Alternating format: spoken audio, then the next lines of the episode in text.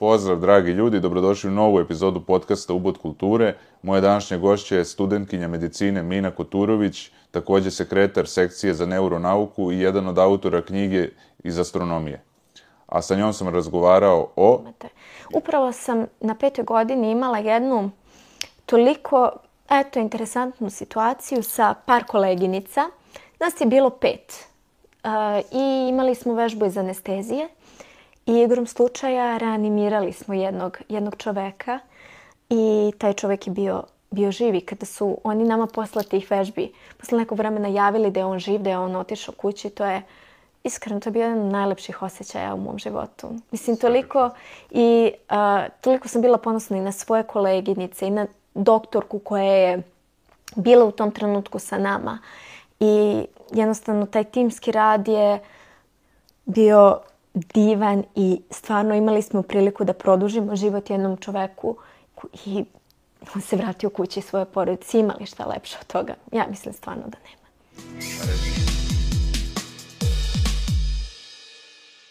Htio bih da se zahvaliti zahvalim Manchmelovu zato što podržava i deli iste vrednosti kao i ja i htio bih da se zahvalim svima koji me podržavaju preko Patreon i Paypala. Linkovi su u opisu. Uživajte.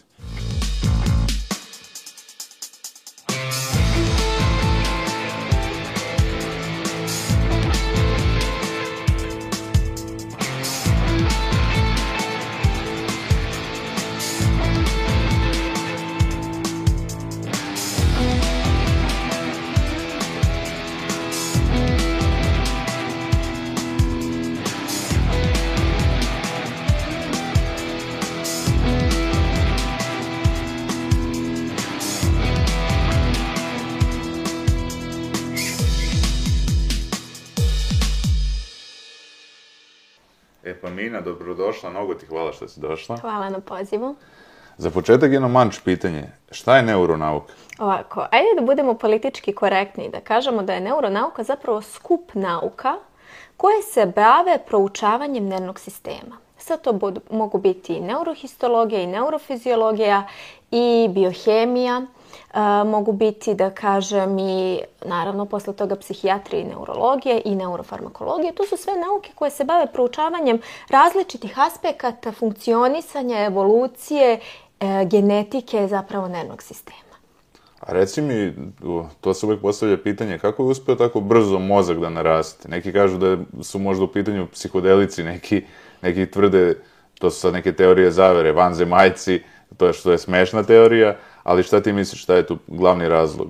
A, pa da vi gledate, kada gledate evolucijski, znači a, vidimo zapravo da a, mozak se nije razvijao tako brzo kao što, kao što mi zapravo mislimo i bilo je potrebno vreme, naravno. E, recimo, mozak neandertalca, da kažem, e, je veći i masivniji bio od mozak, mozga današnjeg, da kažem, homo sapiensa, ali današnji čovek, savremeni čovek je mnogo inteligentniji. Zašto? E, zato što ima naravno mnogo više sinapsi u tom moždanom tkivu, a i mozak je, da kažem, eto, izbrazdaniji, ima mnogo više sulkusa i girusa i zapravo to je neki parametar koji uh, ide u prilog tome, ide u prilog priči koliko je mozak zapravo razvijen. Ja se uvek setim one slike mozga delfina i ajkule, koliko je veći mozak delfina od ajkulinog, ali da li to i... Uh, ovako, znači delfin je pre svega jedan sisar. Uh, znači i koliko ja znam jedan jedna koštana riba, ako tako mogu da se, da se, da se izrazim, nam se da nisam napravila grešku, dok je ajkula jedna, da kažem, hrskavičava riba. I ona ima, da kažem tako, mali mozak, dok delfini zapravo imaju mnogo i veću i masu i naravno e, biolozi koji su izučavali delfine e, pokazali su da delfini čak mogu i međusobno da komuniciraju, da su neki svoj, da kažem, način komuniciranja već i E, razvili, da kako žive zapravo u tim svojim dalijatima, Uh, oni, oni znači međusobno komuniciraju, međusobno love, dogovaraju se, komuniciraju, čak mogu i da razaznaju boje i oblike, tako da su jako, jako inteligentne, inteligentne životinje. Pa da, i negde sam pročitao da oni ponekad mogu da služe kao ultrazvuk. jeste, jeste. Uh, to, da li je to igrom slučaja otkriveno u nekom zovrtu, mislim da je postojala slika. Da. Kao trudnica koja je prišla delfinu i delfin koji se prislonio ka njenom, ka njenom da kažem, stomaku i čuo čovotku srca bebe. Sad, da li je to, da li je to eto, naučna fantastika ili je zaista bilo, ne znam, ali se baš sećam te, te, te priče. Ali ipak treba biti obazriv, nisu delfini baš toliko naivni. Znaju da. oni da budu isto i agresivni. Tako e, da, umeju, ovaj. da budu, umeju da budu jako agresivni, ali ja sam uvek kao mala, konkretno od mog dede, slučala, slušala te priče da su delfini znali da a, spasu čoveka od napada ajkule mm. ili ako recimo među um, ako krene da se davi da ga oni dovedu do obale tako da bilo je tih slučajeva da zabeleženih i kamerom tako, da. tako da. da oni pokazuju ipak jednu dozu empatije i stvarno su životinje za divljenje a ti ko, koja je tvoja omiljena životinja E, ja volim sve životinje. I stvarno... Sam pacu, žans. E, ne, volim sve životinje. To što, e, da kažem, svaka životinja je lepa na svoj način. Pa vi kad vidite i zmiju, zmija je sa onim šarama je prelepa, je li tako? Ali moja možda omiljena životinja je konj. I uh, mnogo, mnogo volim konje. Onako su plemeniti, lepi, moćni. A i kao mala sam mnogo volila i crtani film i knjigu od Ane, ja mislim, Svel, uh, e, Crni lepotan. I to je negde u detinstvu ostalo onako još kao velika velika ljubav prema konjima. I posle sam išla i u konjički klub i učila da jašem, tako da to je jedno fantastično i prelepo iskustvo. Pa imali smo za lektiru Belu grivu isto. Tako Jeste, da... Bela griva uh, i meni je tata kupio belu grivu. Ja sam toliko plakala da, e, da toliko mi je to bilo stresno i traumatično da nisam mogla par dana da se oporavim.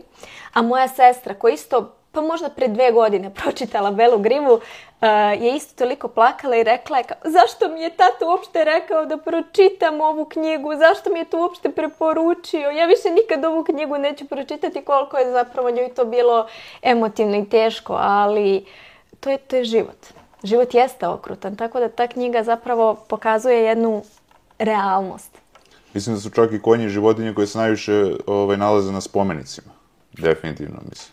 Uh, pa jeste, e, e, mi uvijek kažemo idemo da se nađemo kod konja, jel tako? Tako da to je očigledno neki, mislim, e, mi smo imali kroz našu istoriju uh, E, jabučila konja. Pa smo, pa je, znamo da je Aleksandar Makedonski imao konja Bukefala. Tako da, znači, ili ima ona narodna poslovica uzdaj se use i u svoje kljuse, el tako? Tako da, konj ima taj neki mitski, mitski motiv definitivno, ali upravo zato što je tako jedna moćna životinja, jedna toliko lepa životinja, jedna toliko jaka životinja. Tako da, ima isto jedan dobar film, zove se Ratni konj. Ja i tata smo plakali i gledali taj film i svima ga toplo, toplo preporučujem, tako da... Ima i onaj dobar film sa konjem, e, sa Jeff Bridgesom, čini mi se da glumi. E, ima i, e, mislim da je to zapravo prva uloga e, Scarlett Johansson. E, I e, u, u filmu u kom glumi Robert Redford, Šaptač konjima. Čini mi se da se tako, tome, i, tako zove isto jako lep film, tako da topla preporuka. A reci mi što se tiče medicine, šta je za tebe najveće otkriće u istoriji medicine? Kad bi morala da izaberem jednu, to nije baš onako najzahvalnija stvar za uraditi, zato što su sva otkrića, otkrića upravo uticala da se medicina razvija tako kako se razvija i da zapravo se unapređuje iz dana u dan. Ali čini mi se da je tok zapravo medicine, uh, to jeste tok istorije to jeste ta, ta tačka u istoriji koja je promenila, izvinjam se, tok medicine, bila otkriće penicilina. Mislim, izolovanje tehnički penicilina i da je to zapravo uh, otkriće antibiotika uh, omogućilo da veliki deo našeg stanovništva preživi, mislim svetskog stanovništva. I da se tada izborimo sa jako velikim infekcijama koje su harale, da kažem, svijetom i koje su znale da, da unište čovečanstvo. Tako da uh, upravo, evo i sad da dam jedan apel, uh, ne smemo iracionalno da upotrebljujemo antibiotike, zato što su oni jedno od naših najpotentnijih oružja za uništavanje mikroorganizama, konkretno u ovom slučaju bakterija, e, jer za 20 godina ili možda malo više, ako tako krenemo iracionalno da upotrebljujemo antibiotike, mi nećemo imati čime da se borimo. Bakterije će postati rezistente, što je strašna stvar, zato što to nas samo unazađuje. Upravo jedno otkriće koje je sve nas, da kažem, e, spasilo i rezistencija bakterija na same antibiotike može samo da nas unazadi. Tako da treba, treba ih racionalno koristiti treba ih koristiti samo kada lekar to prepiše. Tako da. Ali evo dokaz koliko ljudi vrednuju uopšte ta medicinska otkriće je e, moj post o otkriću insulina. Tu je najviše, mislim da je imalo 3 miliona pregleda, dakle, to, toliko ljudi je pogledalo taj post i delilo i zato što je to bilo baš onako emotivno, jer su Banting i Best uh, došli u bolnicu gde su već deca bila, kažem, polumrtva, da ne kažem mrtva, i ovaj, davali su im insulin, ubrizgavali i vraćali ih iz mrtvih. I tek kad se ovaj, kad su posljednjem detetu dali, prvo dete se probudilo i onda je išlo tako redom. I ovaj, inače je Banting bio već heroj u ratu, već je dobio brojne odlikovanja, a ti si mi rekla za Besta, pre podcasta, mm -hmm. da nije dobio zaslužnu ovaj, priznanje. E, nije. E, Charles Best je u tom trenutku bio student. Iako je e, upravo on taj koji je imao najveći doprinos u tom, tom da kažem, naučnom radu i otkriću, ipak zato što je bio u tom trenutku samo student, nije baš bio odlikovan kako kako treba, ali da, definitivno njegovo ime se i dalje spominje i čak upravo, ja mislim, u našoj knjizi iz fiziologije, među prvim, da kažem, tim rečenicama e, kad smo pričali o e, proizvodnji, mislim, o sintezi insulina, upravo se spominje Charles Best kao e, jedan od ljudi koji je otkrio strukturu insulina. A eto, meni je bilo zanimljivo i otkriće leka protiv malarije, zato što je kineskinja Tu Yuyu to sam zapamtio lako, na osnovu čestitke za rođendan. ovaj, ona se izolovala negde u neku zabit, u stvari nije, nju su primorali da ode, ovaj, budući da je bila tad kulturna revolucija u Kini, dete su je odveli u neki privatni vrtić i, ovaj, i naterali su je da nađe lek. I ona je bukvalno iz 380 različitih vrsta biljaka tražila preparat i našla je iz jedne od biljaka koja se zove Ti si mi rekla da se lek zove Artemis... Artemisin, da. Sin, tako je. I ovaj, tako se slično zove biljka. I ovaj, i eto, i ovaj, od tada, mislim, malarija jeste i dalje ovaj, opasna, ali ovaj, postoji lek, zahvaljujući njoj i ona je dobila vajda pre 5-6 godina ovaj, Nobelovu nagradu i prva je kineskinja koja je to pošla za ruku. Tako da, ali u tim okolnostima zaista I ona posle toga nije dobila odmah nikakvo priznanje. Znači, dugo je čekala, jedno 40 godina da bi da, dali bilo kakvo priznanje za to. Tako da smatram da je to jedan od, od, od, jedno od jačih otkrića isto. Isto tako sam pisao o doktoru Williamu Kolfu koji je ovaj, napravio, u stvari koji je napravio veštački bubreg pa veštačko srce kasnije. Ali isto način kako je on napravio to, ovaj, prvo taj veštački bubreg i kako je napravio ošte ovaj, aparat za dijalizu, to se sve dešavalo za vreme drugog svetskog rata.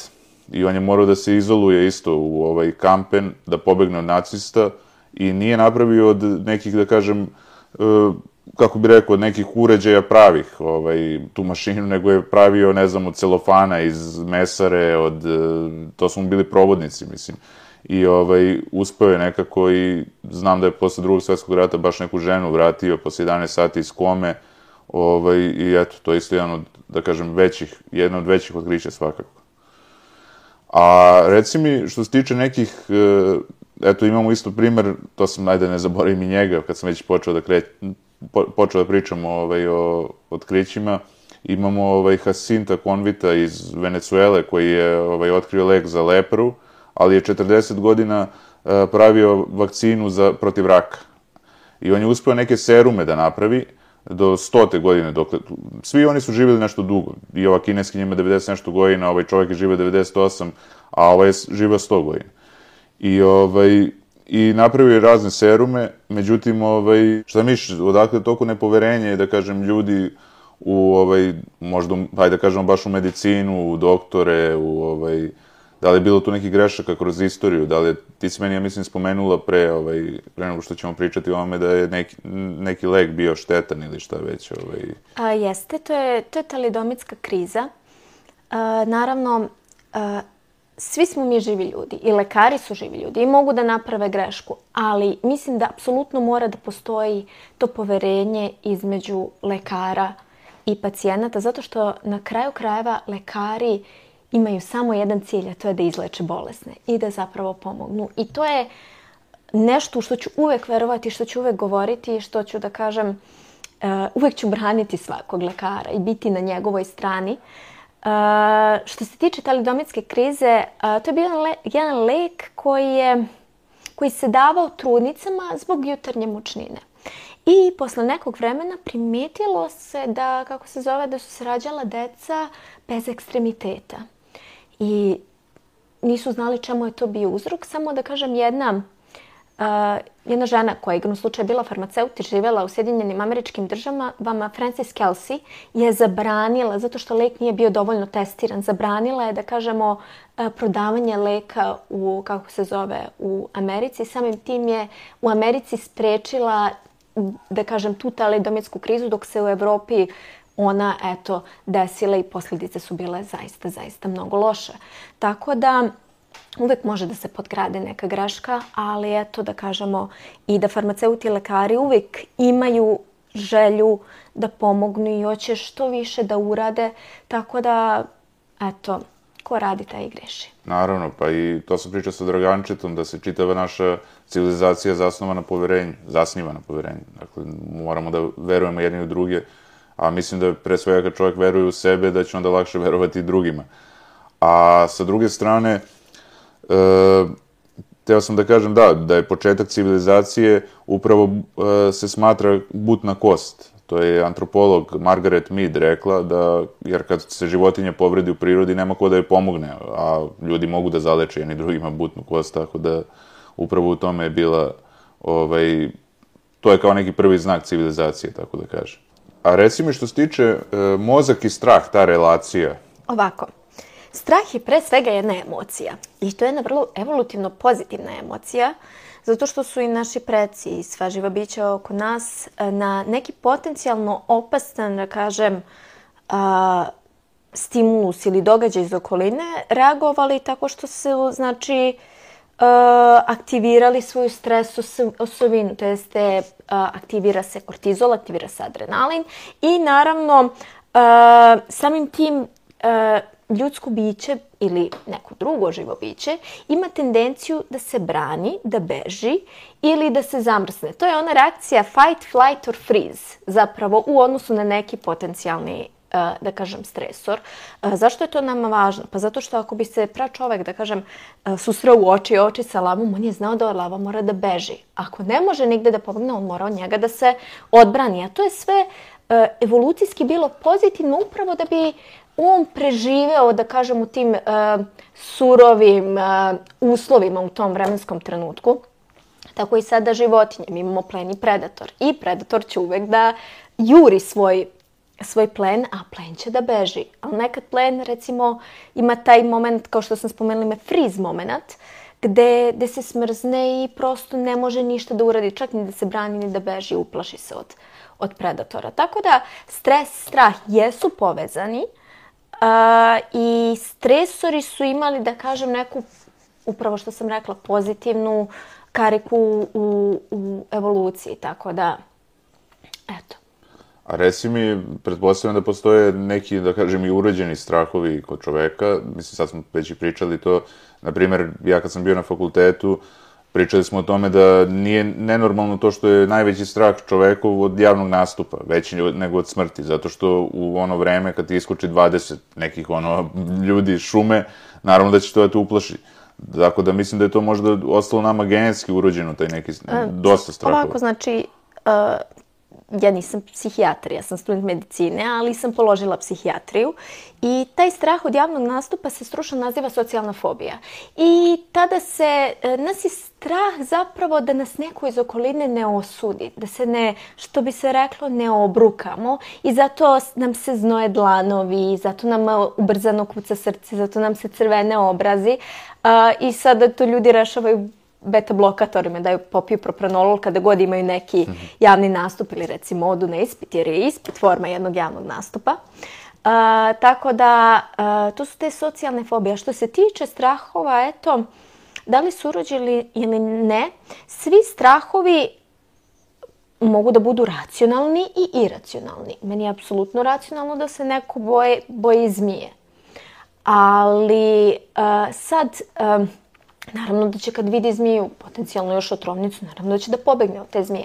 Ali ako se on toliko plaši zmije i da to njemu ometa njegovo svakodnevno funkcionisanje, da čak i kad vidi zmiju u atlasu, on do, doživi panični napad, tu toliko intenzivnu e, dozu straha da on ne može da funkcioniše. E, boga mi, to je već iracionalno. Znači, to već nije baš najbolje. Tako da, Ja se uvijek setim priča o ovom Billy Hastu koji je sam sebi brizgavao ovaj, otrove zmijske. Čovjek kad tvrdi da nikad nije bio bolestan, mislim on je rano to krenuo da radi, ne znam koliko otrovnica, o, koliko otrova otrovnice je mhm. ovaj, ubrizgao sebi, mislim I sto jednu godinu je doživeo i spasao je ne znam koliko ljudi koji, koje su ujele zmije. Tako da, nevjerovatan čovjek, ja kažem čovjek zmije. Ali ovaj, eto, sad smo rekli zmija, ali, na primjer, koji su to strahovi? Pretpostavljam da su najveći strahovi to upravo zmija, onda možda strah od letenja. Jeste, strah od letenja i odlazak od zubara. Znači, to su među naj... Mislim da čak... nijedan ti strahova nije moj strah. Da. pa, uh, čega se ti plašiš? Pa čega se ja plašim, uh, da ti kažem, od tih stvari, ne, ništa što je, više da budem slab, ajde tako da kažem. Znači, ono, od slabosti ono, nego od, ovaj, nego tih, tako, neko konkurentno neki stvari, tako da, više, dakle, ne od smrti, nego od toga, od bolesti, aj tako da kažem, tako da. Ali nemam strah od neke životinje ili ne znam šta, ne plašim se nijene životinje, gadni, gadni su mi pacovi, ali to znam i zašto, jer smo se kao deca igrali ko sme da zaključa u podrum, ono, da bude pet minuta, podrum je bio pun pacova, Tako da, ovaj, znamo dakle meni taj strah, tako da, mislim strah. Više mi je onako da su mi gadnino kad ih vidim, ali ovaj, ništa drugo. A tebi ti, koji je tvoj strah? Pa, i e, što, što, što se stari, to, to te manje, a, to te manje i strah, jel tako? Zato što svaki dan moraš da rizikuješ, da se sučiš sa izazovima. Ali meni više strah za ljude koje ja volim, do kojih mi je stalo da se njima nešto ne desi, da li su oni dobro, tada se ja brinem. Više za njih nego za pa, sebe. Dobro, to je prirodno. Da. To je apsolutno prirodno to i normalno. je prirodno, ali naravno svaku u trenutku ima i taj period kada osjeća hipohondriju i ovaj, mislim, opet nekada, ne znam gde sam to pročitao u kojoj knjizi, uh, sve najgore stvari koje možete zamisliti već su vam se desile, tako da uživajte. to je ono kao i Murphyjev zakon, sve što može da se desi, desit će se ili tebi ili nekom drugom, da, da, da li tako ide, nisam sigurna, ali mislim da je to neka poruka, ili kao sve što može poći, po zlu kao poći će, ali... ali ovde je možda bitnije pitanje kako čovek da se štiti od tog straha, kako da, ovaj, da li treba da mu ide u susret, ili ovaj, šta je tvoje mišljenje, mislim. O, na primjer, kad neko ima fobiju, recimo, od Eto, ja imam prijatelje koji se plaše autobusa, znači jedno dvoje, troje prijatelja koji kojima uopšte nije svejedno kada uđu u autobus, ono, nešto osjećaju se nelagodno i moraju da izađu posle dve stanice, bukvalno. I šta bi ti tu preporučila? Kako se sa tim pa, izboriti? Pa, e, a, negde, a, e, evo, to će, to će, znači, ljudi koji su specijalisti psihijatrije i objasniti, a, e, strahovi se leče tako što se suočimo sa njima. Znači, recimo ako neko upravo ima fobiju od autobusa, on će da ide na psihoterapiju i sam tim on će obrazložiti svoj, svoj problem i svaki put će pokušavati da se sve više i više suoči sa svojim strahom i da razume da se ništa neće zapravo loše desiti ako on uđe u, u autobus. Tako da zapravo jeste jedan vid terapije suočavanja sa, sa, sa strahom. A što se tiče ovako uh, opšteg su, suočavanja sa strahom, mislim da strah svugde postoji. Postoji u svima nama i svi se mi manje ili više plašimo. Ali hrabrost je zapravo kada ideš dalje uprkos tom osjećanju straha u bilo kom trenutku. Tako da... Pa dobro, da. To je, taj, ideš u susret. Ideš u susret strahu. Ali eto, Iako ga osjećaš. Da, a mnogi, da kažem, se odaju možda i porocima, mislim, sad imamo razne, razne vrste poroka, a to možda nas čini još više, da kažem, plašljivim, mizernim i tako to, ovaj, a možda je baš to da se suoči čovjek sa time, oči u oči, ne vredi. Pa o, ti ljudi koji imaju problem, recimo, sa letenjem, da lete. to konkretno je to. Pa, samo da kada, pošto je to sve, mislim, strah od letenja je donekle i, i, i od visine je iracionalan strah. Da I naravno, ako bi oni već jednom to prebrodili ili pokušali, pretpostavljam da bi se to, da bi se to redukovalo, jel tako? Ali sad treba duboko kopati i vidjeti zašto oni imaju zapravo strah od visinje i strah od letenja. Ja sam jednom negde čula, ali nemojte me stvarno uzeti za reč, zato što eto, nisam ni ja toliko sigurna, da jedini zapravo strah, da zapravo jedina fobija je koja je racionalna kao je strah od gušenja. Mm. I kao strah od gušenja ili davljenja. Tako da... To je moj drug umeo da kaže, ovaj, kao ako je Bog napravio savršeno čoveka prema svom liku, zašto onda čovek može da se udavi? to je njegovo pitanje prvo. Ali ovaj, nećemo sad o tome, to sad već neka druga pitanja. Ovaj, nego bi te ja pitao vezano za sekciju. Ti si mm -hmm. sekretar, je li tako? Jeste. Sekcije? A, e sad, to sekretar, mislim, zvuči kao funkcija, tako? ali ja nikad neću doći i reći nekom e, ja sam sekretar sekcije za neuronauke. Ne, ja studentske sekcije za neuronauke, pardon. Uh, ja sam član sekcije za neuronauke. A upravni odbor funkcioniše tako što imamo sekretara i tri koordinatora.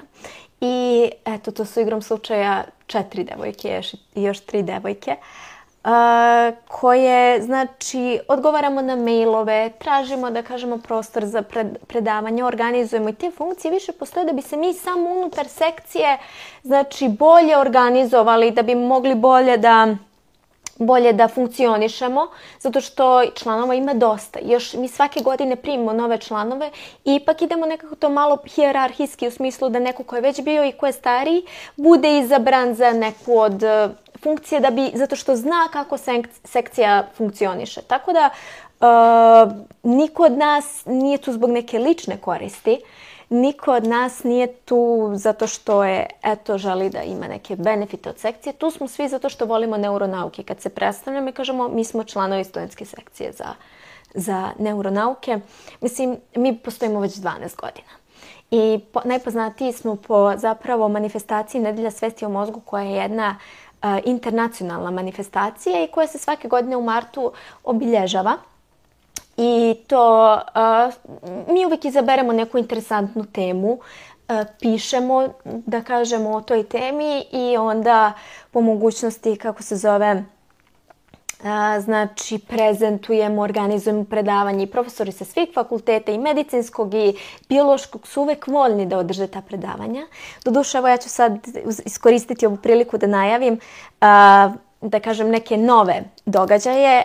Odlučili smo da konkretno u mesecu martu napravimo set predavanja koji će držati a, i neki inostrani profesori, neki profesori sa našeg univerziteta, ali u isto vreme će zapravo biti jedna i humanitarna akcija, zato što će na svim tim predavanjima da se skuplja novac za uh, UNICEF i posle ćemo mi taj novac da uh, zapravo uplatimo na, na njihov račun i da ode svoj deci koji je zaista potreban. Bravo, Tako lepo. da, da, to je nešto, što, nešto novo i isto vreme hteli smo da pokažemo koliko smo zapravo i humani, a koliko volimo da, da isto vreme širimo znanje. A recimo što se tiče budućnosti, da li imate neke ideje za nove projekte? E, upravo ovo što sam, što sam navela, imamo još nešto u planu, ali ovo je, ovo je... Naj, najnovije, mm -hmm. nešto što nismo radili do sad. E, Znači, uh, Nedelja svesti o mozgu je bila naš naj, najpoznatija, kako se zove, uh, manifestacija, a ovo ćemo već na regularnom nivou, nivou da radimo. Ti si inače iz Nikšića. Ovaj... Jeste, iz Nikšića i pozdrav za sve moje drage Nikšićane i moj omiljeni grad, tako da... Odrasla si tamo, tako da? Jeste, zapravo ja sam rođena u Podgorici, ali sam odrasla. Znači, faktički, otkad znam za sebe, sam u Nikšiću, odgojili su me baka i deda igrom slučaja. Uh, I e, ja mogu da kažem da je Nikšić boemski grad, Nikšić je grad Vita Nikolića, pesnika, boema. Uh, imala sam... Jel dada i Miladin Šobić, jeste? Jeste i Miladin Šobić. Moja baka ga igrom slučaja vodila u školu. Tako da, eto, to je jedna zanimljiva, zanimljiva činjenica. Ili on dobro sada? Šta se s njim dešava? Pošto... Pa, on ima, ja mislim, neki možda ni udar, kako sam čuo. I... A, ali nisam toliko upoćenja u njegovo zdravstveno stanje, ali svi znamo za Miladina Šobića, tako da on je vrhunski kompozitor i pevač i tekstopisac. Tako da, eto, što se tiče Nikšića, to je to je moj grad. Ja to tako moram da kažem i kad odem tamo osjećam se zaista kao kod, kod kuće. I a, stvarno imam najlepše moguće sećanje na taj grad, imam najlepše moguće sećanje na to detinstvo, na svoj komšiluk, na, na eto, mog pokojnog dedu. Tako da uvek odem tamo sa velikom ljubavlju, sa, velik, sa, sa eto, velikom ljubavlju, radošću i svim najlepšim što imam u srcu. A recimo, kako je izgledalo to odrastanje? Kako si ti uopšte odlučila da, da se baviš medicinom? Ono, jesi to već znala? A, ne. Ja to nisam znala. Ja se divim, stvarno imam veliko poštovanje prema svima koji su od malena znali da će to da budu lekari. E, igrom slučaja, moji roditelji su lekari, moji tetka i teča su lekari i a, eto, medicina je uvek bila negde u, u porodici, a moj dede je bio, a, znači, profesor biologije i i po struci je usko bio mikrobiolog. A, I on je imao kod kuće mikroskop. Pa je on svako svoje unuče, ne samo mene, zainteresovao tako što je a, postavljao pločice, pričao o Robertu Kohu, a, onda pričao o Levent Hooku. I on je ne samo svoju decu i svoju unučad, nego i sve svoje đake Nikšićke gimnazije, on je toliko njih odvukao na, na medicinu, a ja apsolutno nisam htela da budem znači, lekar. Doduše, kao mala sam pričala, sklopila sam svoje zanimanje internista arheolog i to mi je bilo, ja ću biti internista arheolog jer internista moj tetka, arheolog jer sam mnogo volela istoriju. Ja, mislim da ćeš reći Indiana Jones. E, pa, upravo, Indiana Jones i Lara Croft, meni je sve to tad bilo interesantno. Da ali nisam, ono, nisam bila jedna od one djece stvarno koja je držala stetoskop, koja je bockalo igračke, to mi nije bilo interesantno. Htela sam u jednom trenutku života, sećam se drugi razred osnovne škole, ja ću da budem astronaut. Vrlo uverena u to da ću ja biti astronaut.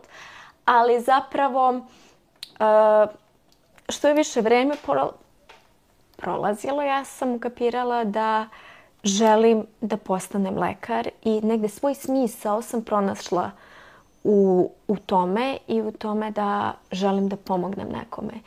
I kada vi stvarno pomognete nekome, Mislim da nema taj, ne postoji taj novac koji može da vam se plati ta sreća i ta, taj osjećaj u grudima koji vi, koji vi imate. Upravo sam na petoj godini imala jednu toliko, eto, interesantnu situaciju sa par koleginica. Nas je bilo pet e, i imali smo vežbu iz anestezije i igrom slučaja reanimirali smo jednog, jednog čoveka – i taj čovjek je bio, bio živi. Kada su oni nama posle tih vežbi, posle nekog vremena javili da je on živ, da je on otišao kući, to je iskreno, to je bio jedan od najlepših osjećaja u mom životu. Mislim, Svaka toliko čas. i a, toliko sam bila ponosna i na svoje koleginice i na doktorku koja je bila u tom trenutku sa nama. I jednostavno taj timski rad je bio divan i stvarno imali smo priliku da produžimo život jednom čoveku i on se vratio kući svoje porodice. Ima li šta lepše od toga? Ja mislim stvarno da nema.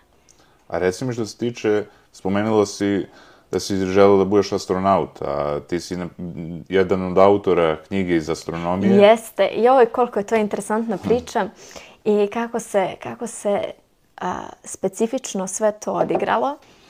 A, pa ja sam imala 14-15 godina i kao i svi srednjoškolci koji imaju te neke adolescentne krize, uvek sam se pitala kako je sve nastalo, postalo i volela sam mnogo fiziku. I moj tadašnji nastavnik, Milisav Šćepanović, je mene doveo u Pronu. Prona je inače jedna organizacija u Crnoj Gori koju je osnovao profesor Jovan Mirković, koji je fizičar.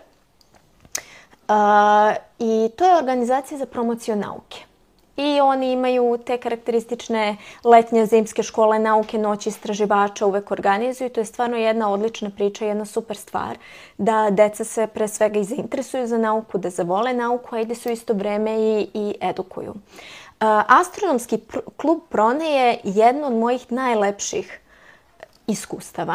Tu sam upoznala toliko kvalitetnih, mladih, sjajnih ljudi. Igrom slučaja ja sam jedina upisala medicinu, oni su svi inženjeri i fizičari. Uh, A, ali a, tu sam se prvi put suočila sa jednom da kažem, sa jednim izazovom kojim sam uz pomoću svojih, da kažem, ta, sada i drugara i prijatelja rješila do kraja. Tu sam i našla i svog najboljeg druga Marka Vuksanovića koji je jedan izvrstan uh, mlad čovjek. Ima tu puno sjajnih ljudi, Jasna Zeković, Aleksandra Milić koji su svi završili fakultete i koji su bili sjajni sjajni studenti. Tako da i naravno naša profesorka Valentina Komarova koja je i dobila ideju za taj projekat. I naravno mi smo kao i svi voleli da koristimo teleskop, da znači gledamo sazvežđe, da pričamo o planetama. Ali a, u jednom trenutku Valentina je, ta naša profesorka je rekla kao ajde da napravimo jedan učbenik koje će moći da koriste svi astronomi amateri i da on ima sve ono što je potrebno jednom astronomu amateru da se snađe i da se upozna sa astronomijom. Zato što e, literatura koja je u tom trenutku bila, bila je ili za univerzitetski nivo ili za decu u slikovnicama i nekim enciklopedijama do desete godine. Tako da ništa nije postojalo između što bi dalo dovoljno dobru edukaciju uh, za, znači, e, za neko ko želi malo ozbiljnije da se bavi astronomijom, ali da nije, da nije to na nekom previše stručnom nivou. Tako da e, bilo je teško preneti ono što ti znaš, jer i u tom procesu i mi smo učili. Nismo mi, e, niko, mislim, imaš 15 godina i kreneš, krećeš da pišeš učbenik iz kog će neko da uči. Marko je u tom trenutku, moj drugar, imao 17. Mislim, uh, to je baš bio veliki izazov. I mi smo to radili četiri godine i godinu dana kasnije je Zavod za učbenike Crne Gore to i, i štampao i kako se zove i objavio.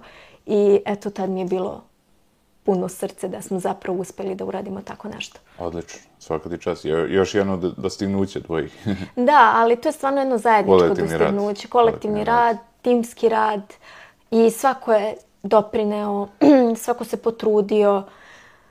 A, baš, baš jedno vanserijsko iskustvo. A reci mi što se tiče ovako neke pop kulture, ovaj, šta je to od, od muzičara, filmova, dobro, u filmovima smo malo i pričali, ali što se tiče muzičara, koji su tvoji omiljeni muzičari? Aj joj, to je baš onako a, jedno čudno, čudno pitanje, zato što ja slušam sve. Mislim, sad to je najdominantnije, naravno, i neki rock, ali evo vidim Sting je ob obilježio moje djetinstvo. Ja nikad neću zaboraviti trenutak kada me tata vozio u školu i svako jutro, kako je on mene vozio u školu, mi smo puštali Stingov CD. I sećam se, prva je znači bila Englishman, druga pesma je bila Desert Rose. I mi smo stalno, stalno vrteli, vrteli te, te, te pesme i 2017, mislim da je bila 2017, smo otišli na Stingov koncert. To je bilo fascinantno. Ali do tad smo naučili sve Stingove ne. pesme dok je bio u The Police-u i dok je Sting bio zasebno izvođač. I meni sada, možda njegova omiljena pesma je Fragile. Tako je lepa, tako je emotivna, tako je... Prosto je savršena, tako da, eto, Sting ti je number one. Number one. Pa, number one. Eto, pa mnogo ga volim zato što mi je opilježio detinstva na sve moguće načine i uvijek se tako, tako obradujem pa kada ga, kada ga kada ga čujem, ali volim i Bon Jovija. Bon Jovi je bio omenjeni pevač i omenjena muzička grupa. Gansi su bili omiljena muzička grupa moje tetke i kako se zove, oni su to prenela na mene. Posle sam slušala i ACDC, ali u zadnje vreme e, slušam Sabaton. I oni su imali pesmu o Milunki Savić. Jeste, Milunki, Milunki Savić, Lady of the Dark fascinantna pesma, stvarno. I uh, moj guilty pleasure je zapravo Ghost, jedan švedski band. Onako ima, ima vrlo čudne, čudne, čudne tekstove koji se mogu protumačiti na više načina, ali melodija, zvuk, uh, to je stvarno baš, baš dobro. Tako da nije, nije band koji ono svako može da... Da svari. Da, da svari, ali, ali ima, ali je dosta kvalitetan. Muzički je jako kvalitetan. A jesi čitala možda autobiografiju Stingovu? Ne, nisam. Odlično, nisam. odlično. Stvarno, jedna od boljih, moram tako da kažem. Njegova, Kleptonova, to su neke ono, pa i od Kidisa. Da. To su neke autobiografije koje baš onako pamtim. I zanimljivo je kako je dobio ime i, mislim, nadimak ovaj, Sting, Žaoka. Da. Jer je nosio ovaj, džemper u bojama bumbara, tako da, ovaj... Ali, šta sam teo ti kažem, Što se tiče Stinga, e, on je čovjek koji je svira ne znam koliko instrumenta, on stvarno, on, on i pravi instrumente, nevjerovatan je što se tiče toga. Ovaj, Izvrsan muzičar. Da, da. A opet sa druge strane, evo ti spomenula John Bon Jovija, on je veliki humanitarac. Jeste. On sa ženom drži restoran. I koji je i tu ljude koji su, eto, hoće da promene svoj život na bolje, prima, tako da John Bon Jovi je isto jedna, jedna pa jedna sjajna muzička ikona u svakom smislu. Jeste, da. Dobro, naravno, ovaj, ti sad, eto, voliš i tvrđi rock, ovo je malo možda soft rock, ali mm -hmm. opet sve zavisi ko šta voli, svakako je kvalitetno. Da, ali godinu. ja apsolutno nemam problema sa tim da i odem u kafić i slušam, da kažem, i eto neki, neki folk. Kad se veseli, veseli se, šta da se radi, ali ovako privatno da ovo je, ovo je nešto što je dominantno. A u Nikšiću, da li je bila neka muzika koja se konkretno slušala po klubovima, po to kad si izlazila? A, pa ja u Nikšiću ne izlazim po klubovima, ja idem po pubovima. I tu uvijek bude onako potpuno neka ležena priča. Da neka ili gitarica ili, ili znači, na zvučniku na radiju ide neka opuštena, opuštena muzika, tako da nikad nisam išla u baš neki provod u Nikšiću, neki klub. Ja zapravo i ne idem po klubovima. nisam, nisam neki fan. Nisam neki fan čak ni festivala. Ja nikad, ne, recimo, nisam bila na Sea Dance-u, iako je to jako popularno. Nikad nisam bila ni na Exitu. Jednostavno nije moj tip provoda. Zab... Nije moj tip provoda.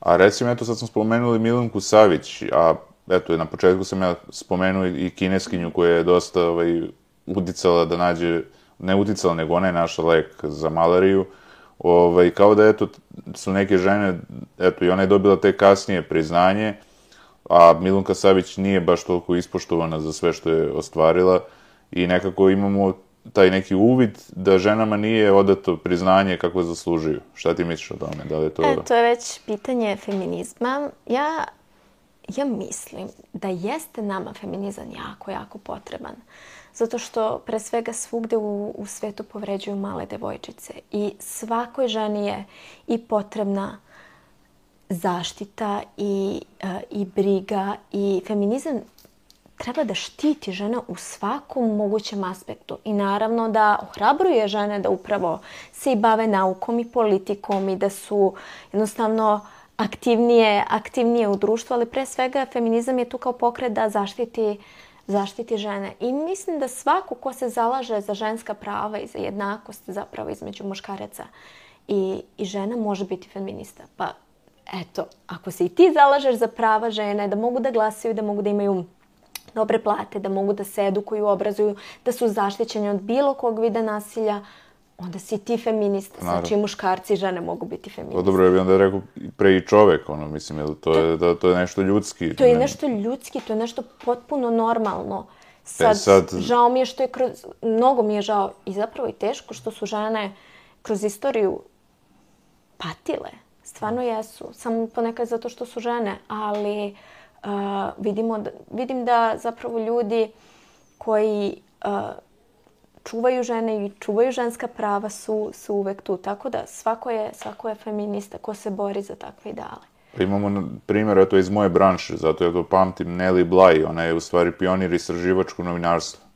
I ona je otišla, prvo je na neskriveno feministički način došla ovaj, uopšte u, do ureda, ovaj, rekla je, kaže, da hoće bude novinarka, pošto tada je pisalo novinama da su žene isključivo za kuhinju. I onda je ona rekla, evo, kao ja hoću, ja se prijavljujem da budem kao novinar terenac. I onda u to vreme nisu ni znali šta to znači.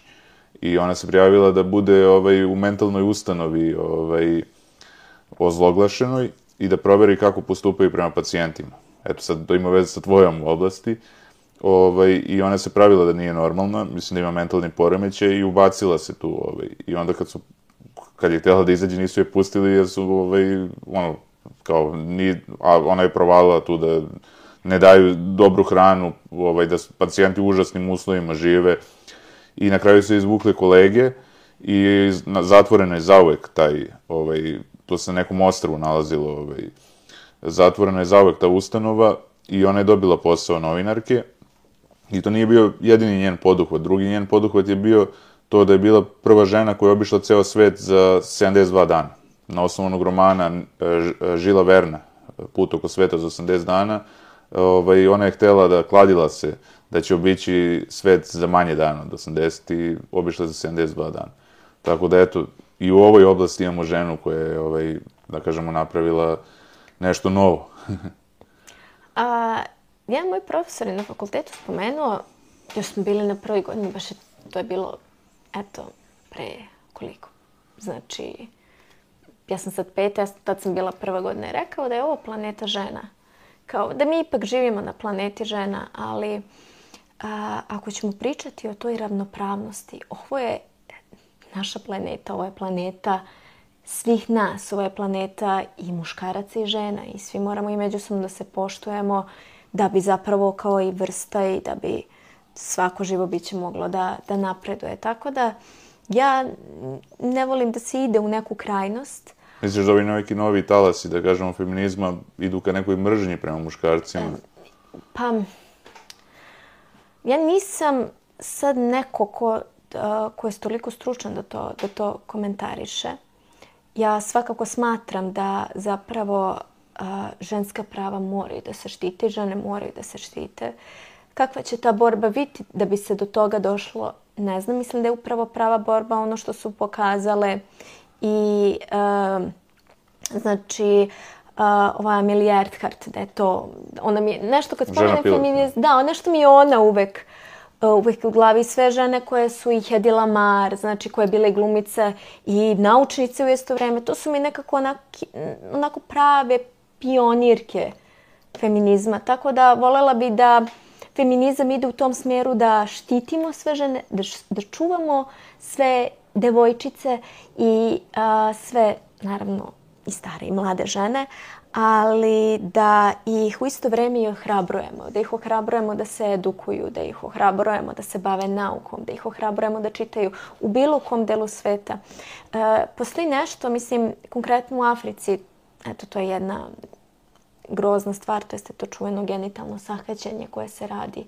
I mlade devojčice imaju različite infekcije zato što se to radi u nekim nesterilnim uslovima i naravno protiv njihove volje ili naravno oni dečiji brakovi gde jako male devojčice bez van, da kažem, njihove saglasnosti udeju za dosta starije muškarce. Tu feminizam mora da ima veliku ulogu da, da zaštiti svako žensko biće u svakom trenutku, da ima svoje pravo glasa, da ima pravo da se edukuje, da bude jednako i prihvaćeno u društvu. To je po meni feminizam slažem se, ali takođe bih rekao, eto, ti spomenula Afriku, da isto neka deca rade na plantaži, sad da li su devojčice, dečaci, jedni i drugi, mislim, onda imamo primer da uh, rade na plantažama one najteže poslove, uh mhm. -huh. a imamo primer i ovaj, vezano za rudnik, to se zove Đavolji rudnik u Boliviji, gde dva dečaka od 10-11 godina rade tamo po ne znam koliko tegle, neverovatne težine i snimljen je o tome dokumentarac, tako da ono,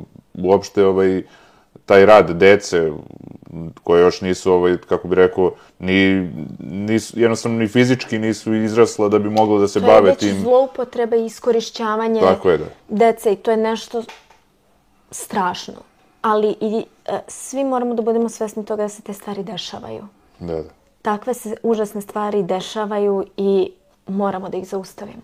Naravno. Naravno, ali eto, vidiš, mislim, ne znam da sam gledao neki dokumentarac da je baš prema ženama nešto bilo, da li baš, da, da, da, da, otmice su bile u pitanju žena.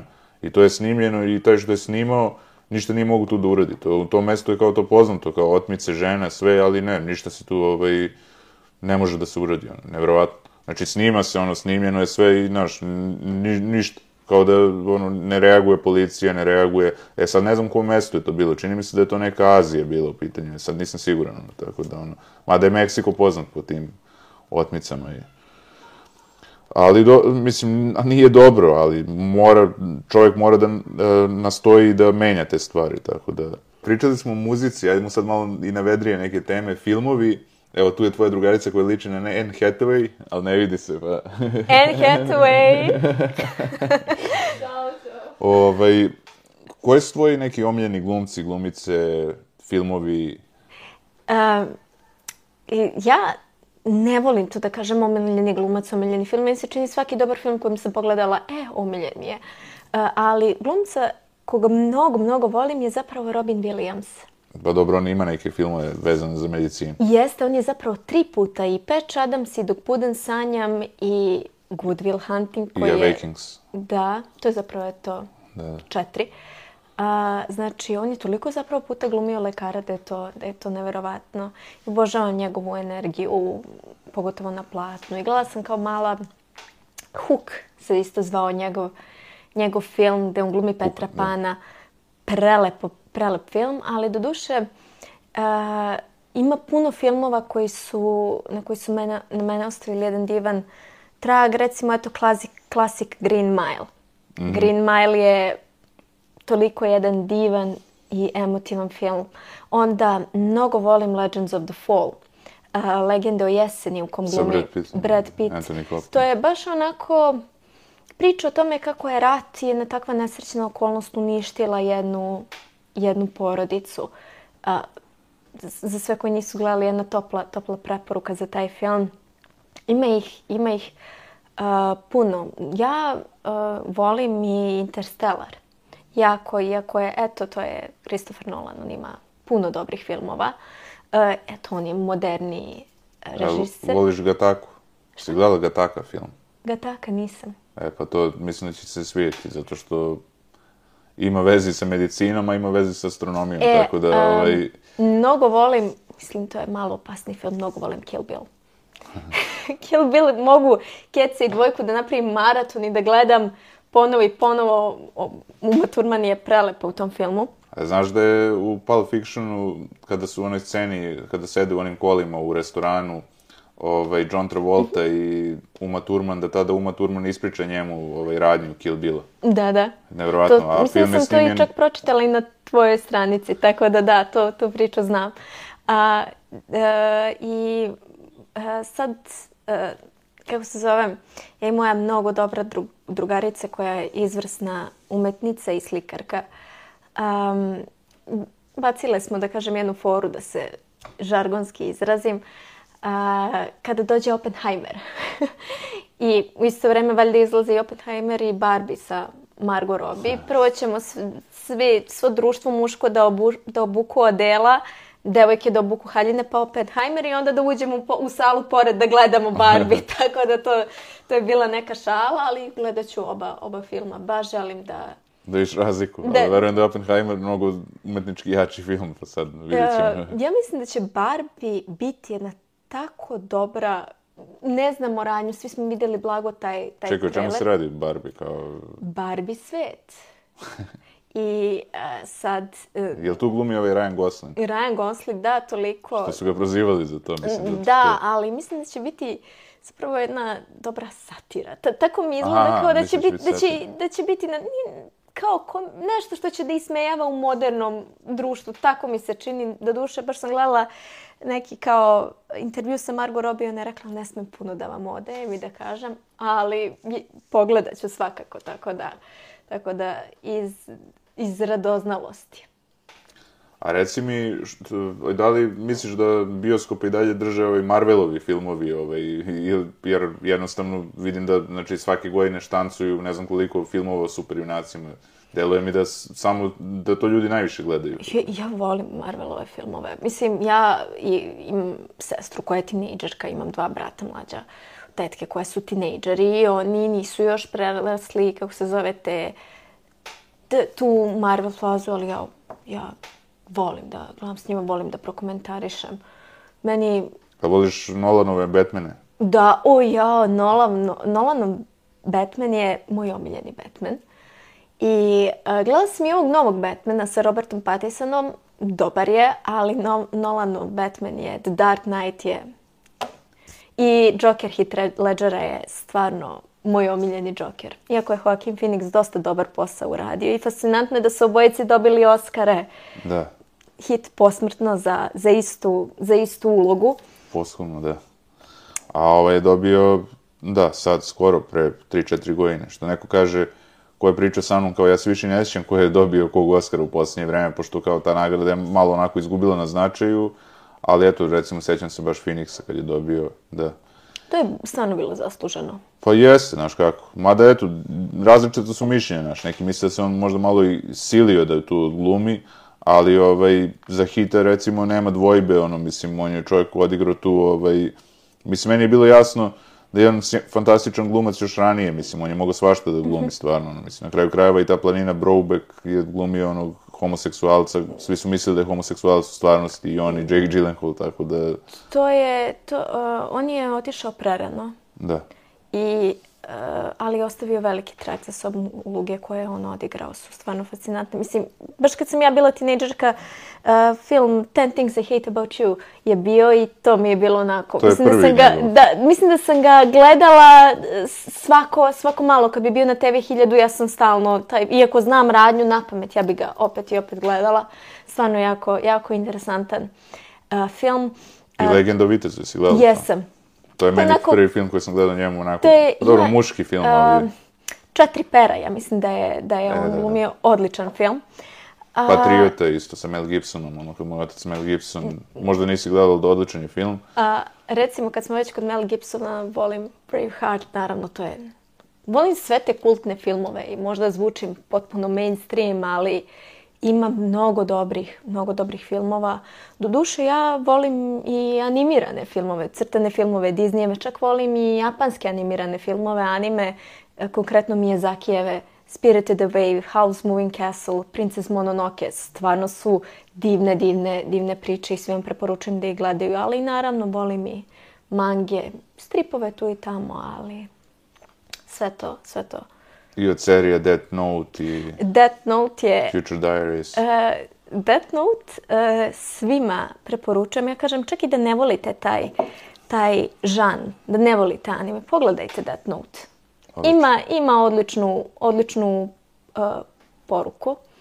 I s, baš sam ga zapravo pogledala nanovo relativno skoro i stvarno je bio, bio Ostavio mi je isti utisak kao i kad sam ga gledala prvi put.